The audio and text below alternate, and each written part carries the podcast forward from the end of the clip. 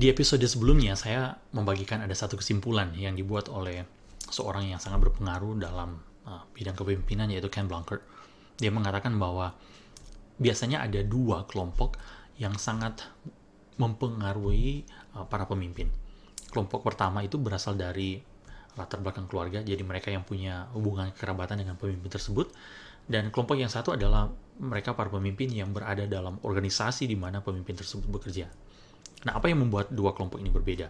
Ken, Ken Blanchard mengatakan bahwa sebenarnya yang membuat dua kelompok ini berbeda adalah permanen tidaknya relasi antara pemimpin itu dan uh, orang yang mempengaruhi dia. Nah, kalau ini menjadi faktor yang sangat penting, kita bisa simpulkan bahwa keluarga, mereka yang uh, anggota keluarga kita, mereka itu sebenarnya mempunyai influence yang jauh lebih besar dibandingkan para pemimpin yang berada di organisasi yang mana kita mungkin ada relasi yang baik juga. Nah, ini akan menjadi hal yang lebih signifikan lagi kalau kita melihat anggota keluarga kita ini, mereka itu adalah top performers di bidang mereka masing-masing. Jadi ketika mereka itu memberikan advice ke kita, biasanya itu akan lebih nancep ya istilahnya. Nah, di episode sebelumnya saya sudah membagikan ada 7 advice, dan sekarang saya juga akan membagikan 7 advice yang lain yang semoga ini boleh menjadi perspektif yang berbeda uh, untuk bagaimana kalian bisa efektif dalam mengerjakan panggilan kalian atau mengerjakan peran kalian sebagai pemimpin. Sebelum kita lebih lanjut, saya mau memperkenalkan diri terlebih dahulu. Saya Heinz Wokas, dan di kanal ini saya sedang berbagi hal-hal terkait leadership development dan self-development. Kalau kalian baru pertama kali berkunjung ke kanal ini, ayo pastikan kalian subscribe terlebih dahulu dan aktifkan lonceng supaya kalian mendapatkan notifikasi setiap kali ada episode baru yang diunggah di kanal ini.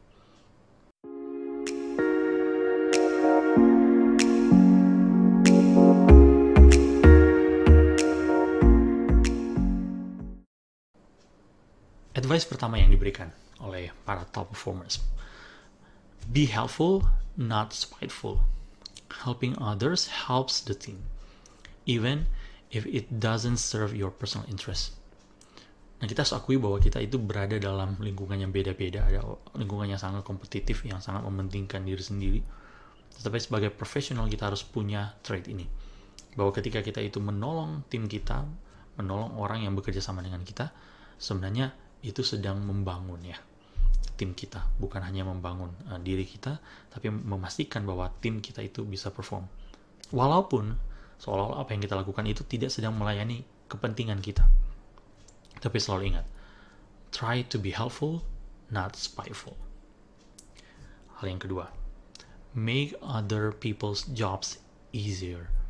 Ini adalah hal yang kelihatan sederhana tapi ini penting sekali untuk di diimplementasikan oleh kita sebagai pemimpin. Mungkin ada konteks uh, yang membuat kita itu harus berjibaku dengan pekerjaan kita, yang akhirnya kita harus menentukan uh, pilihan-pilihan, memilih pilihan-pilihan yang sulit.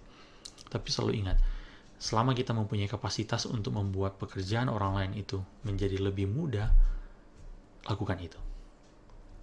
Hal yang ketiga, share the credit. Nah, ketika memikirkan prinsip ini, saya langsung membayangkan ada satu quote yang pernah saya baca yang diberikan oleh uh, Melinda Gates. Dia mengatakan seperti ini. If you are successful, it is because somewhere, sometime, someone gave you a life or an idea that started you in the right direction. Remember also that you are indebted to life until you help some less fortunate person just as you were helped. Ini bagi saya adalah advice yang luar biasa kebanyakan kita sebagai pemimpin ketika kita sudah mencapai posisi tertentu kita sepertinya lupa bahwa ada orang-orang yang menolong kita ada orang-orang yang membukakan pintu untuk kita sehingga kita bisa masuk ke tahapan yang selanjutnya. Dan bukan hanya itu ketika kita itu bisa berada di posisi tertentu sebenarnya kita juga sedang berada dalam situasi di mana kita itu berhutang.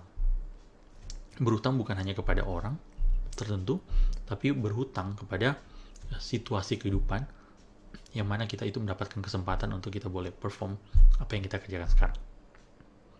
Hal yang keempat, don't be defined by your job title. Your job title does not define you. What you contribute defines you. Saya pikir ini adalah reminder yang penting sekali.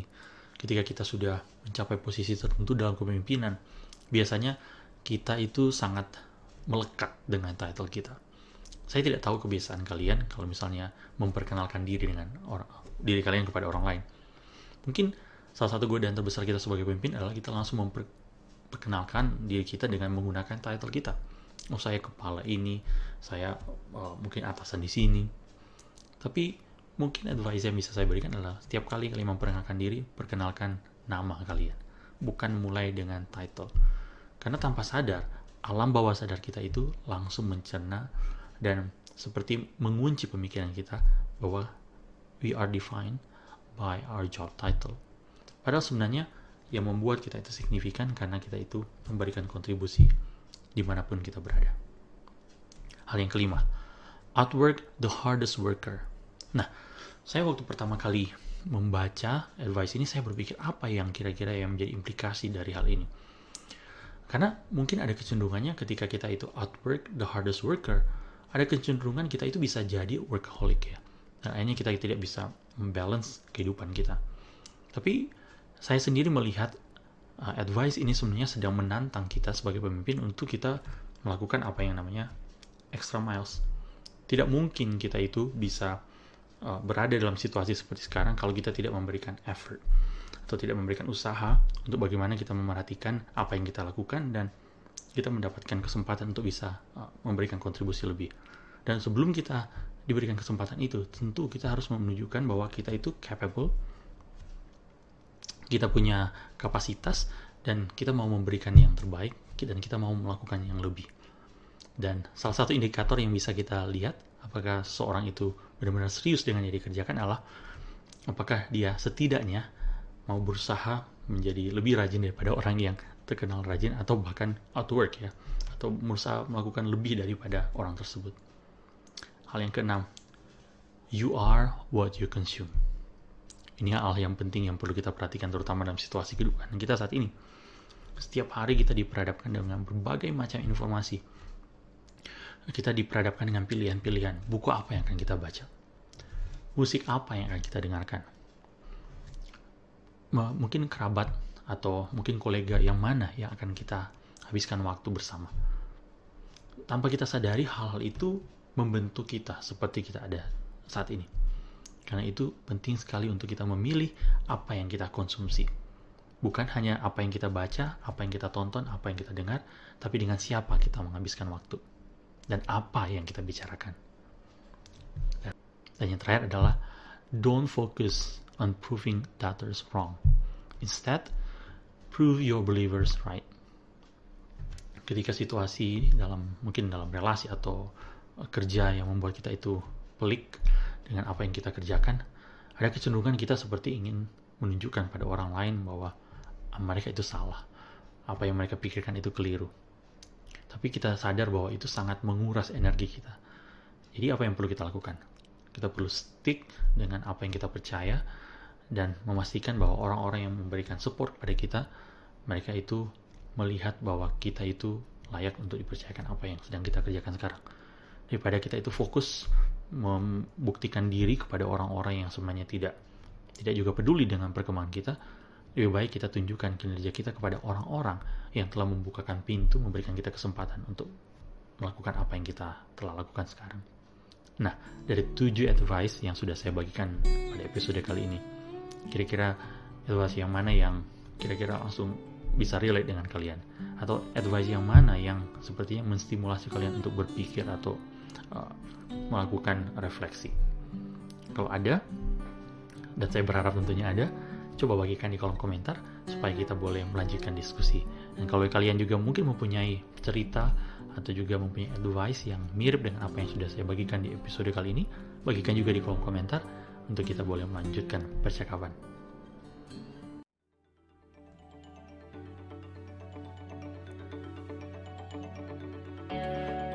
Thanks for joining us this week on Sketch and Angle. If you found value in the show, we would appreciate if you would simply tell a friend about the show.